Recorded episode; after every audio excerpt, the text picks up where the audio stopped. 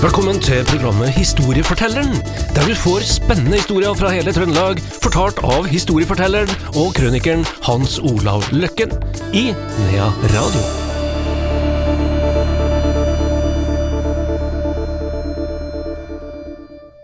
Ny historie fra historiefortelleren Hans Olav Løkken, velkommen hit. Jo, takk. takk. Du, nå skal vi til et sted du har tatt oss med til opptil flere ganger, vil jeg si.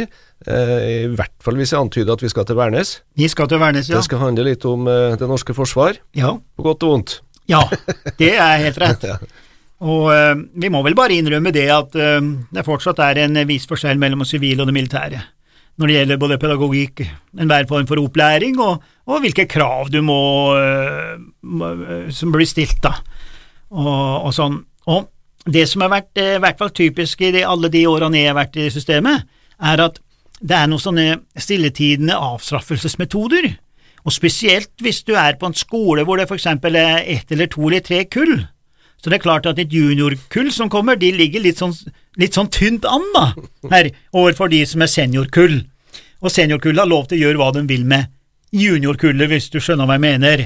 Og det her er jo det her går jo tilbake til alle land. Det, det, det, det, går sikkert tusenvis av år tilbake òg, liksom at seniorene kan eh, herse litt med juniorene, som en del av å lære å innordne seg.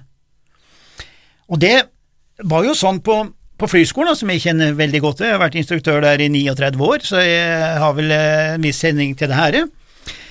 Og jeg husker fra min egen tid på befalsskolen, og, og, og, og jeg husker eh, etter at jeg var utdanna og sånn, så vi, øh, hadde vi noe som het beercall. Det har man faktisk talt enda. Det er det samme som afterski, som er så poppis nå øh, når jeg ser på TV-en, så hører jeg noe om afterski, jeg er ikke helt sikker på hva det er, men jeg skjønner at da går man i baren. Ja. Ja. Og det har, det, sånn er det på fredagen i, eh, på skvadroner, på kavaleri, mange militære eh, plasser, så liksom fredagen avslutter du med, med beercall. Og på beercall så tar du igjen. Altså, der jeg husker jeg på birkålene vi hadde i Bodø for eksempel, da brukte vi jo eh, eh, pappduker. Altså, eh, de rulla ut fra enden du, eh, papp, eh, papir, mener jeg, bortover hele langbordene, og så satt du og tegna og skrev og, og kjefta opp hverandre der, da. og så reiv du det bare ut etterpå, så tok du ut det neste gang. Du sitter i sånne hesteskor og sånn, da, og, og mobber hverandre i gåseøynene, da, og, og de som har gjort feil, de får da straff, da. Og eh, jeg har jo selvfølgelig gjort feil òg, da, og måtte bare gå gjennom samme ritual, og ritualet var jo selvfølgelig da, og, og eh, du slapp jo betale da, men eh, ritualet var i hvert fall at du fikk en halvliter med øl, og oppi halvliter med øl så skulle du ha en to-tre dypvannsbomber, altså akevitt da, oppi der, og det er klart at eh, du var jo dømt til å bli sjuk. altså, du satt jo, eh, du, du rofte på elgen i hvert fall tre dager etterpå, og det der vet man jo om, da, og du skal ikke ha det bedre du enn andre. Altså, det var en sånn, kall det da, en slags manndomsprøve, da, her, en avstraffelse, men med litt sånn humor og, og litt komiske situasjoner, da. Og det der hadde man flere av. Jeg husker jo en sånn avstraffelsesmetode som gikk på at du skulle flytte eh, sandhauger, sand altså, store hauger med teskje, og du skulle flytte da en meter eller to unna. Det brukte du jo en halv dag på, minst. Det er kanskje en hel dag òg. Og når du var ferdig, så skulle du flytte den tilbake, selvfølgelig. det var jo sånt, da. Så det var, det var stadig noen ting, og noen av de her ble jo litt kritisert av og til, spesielt for de som ikke tålte det. Altså det er eh, det her med at vil du være med på leken, så må du tåle steken. Husker jeg i hvert fall her, at man gikk rundt og sa. Og like barn leker best, dette her at du må ha den gruppe som er homogen, som, som, som tåler litt, da. Så her. Men det var jo ikke alle som gjorde det, da, vet du. Så det ble litt kritikk på det for 20 år siden, for 30 år siden, for 40 år siden. Og jeg husker han general William Moore, som jeg har hatt veldig mye med gjort oppover årene, han døde jo her for noen få år siden. Vært mye i lag med han, både alene og på å lage noe film og, og sånn. Og han eh, gikk jo ut og forsvarte mye av det her. Han, han, han sa det at så lenge det er innenfor en eh, humoristisk og litt troskyldig sak og sånn, så la dem få ha litt gøy. De har kontroll på det, og det, det kan bety litt for dem. De blir kjørt så hardt ellers at det kan være litt gøy der, da. Og 99 av 100 syntes jo alt det her var moro. Men så skjer det følgende at, at det var en juniorkull da, som var litt eh, stor i kjeften til eh, seniorkullet, Og han hadde vel sneket i matkø i messa, og det gjør man ikke ustraffet, altså. I militæret, for å stå i kø, det, det Ja, alle vet hva det er.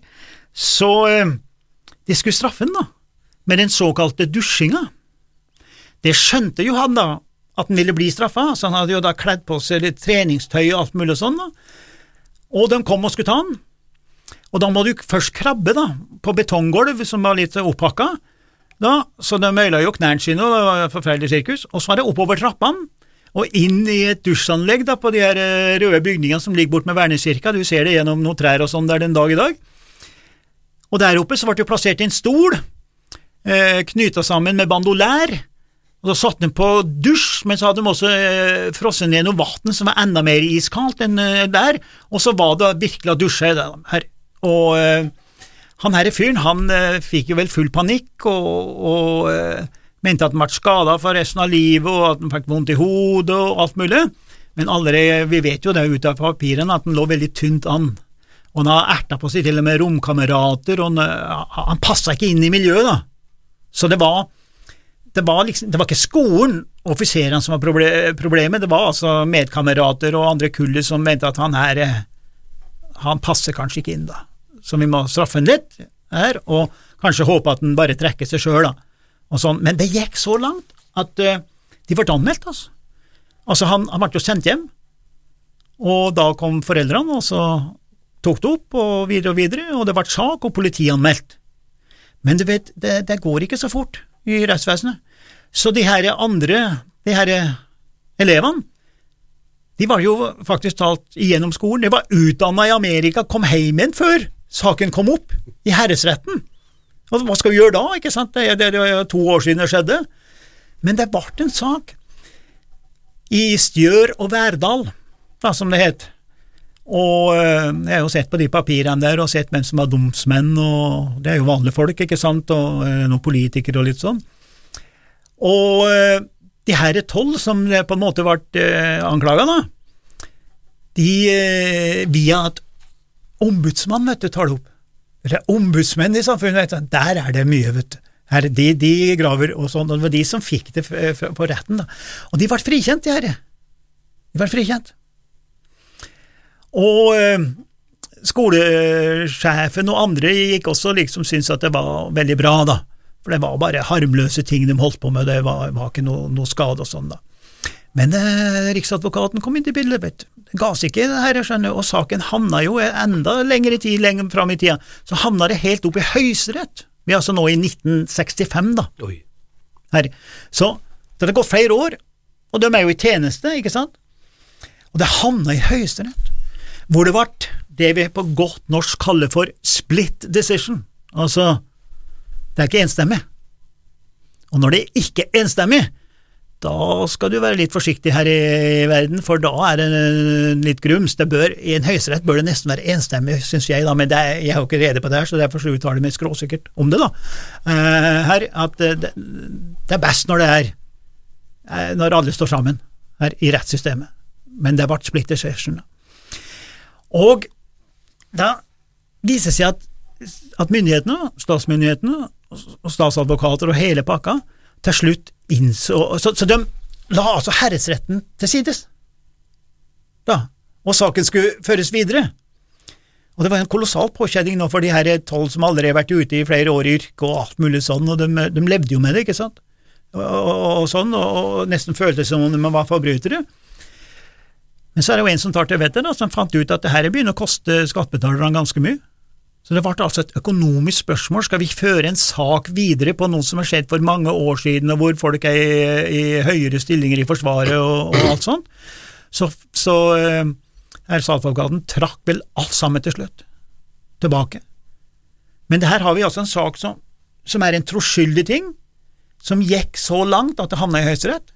Og i dag så har vi jo sånn at når en elev på flyskolen har flytt 13 timer 13 timer, Andreas, det er ikke mye, det, men når du flyr 13 timer, så får du fly alene opp i lufta.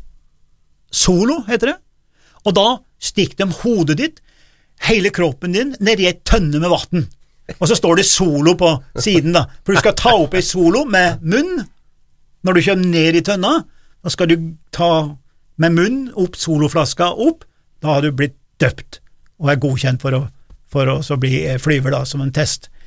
Men det som er litt artig med den saken her, er jo at når det blir sånne saker, da kommer de her, skal vi si store, da, i gåseøyne, kjendisene på banen.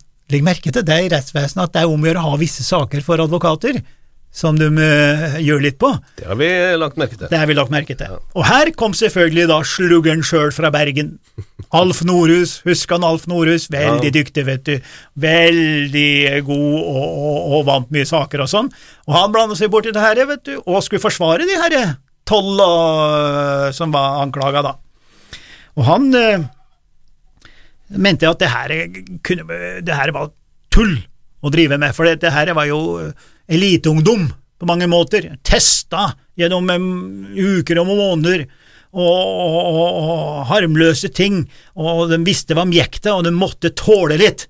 Man må jo tåle litt når man er en flyskoleelev, og ikke være som en smørblomst, han Af Nordhus, og derfor så ble saken hetende Smørblomstsaken i Norge. Det var smørblomstsaken her i Nea Radios Historiefortelleren, fortalt av Hans Olav Løkken. Hans Olav møter du igjen om ei uke til samme tid.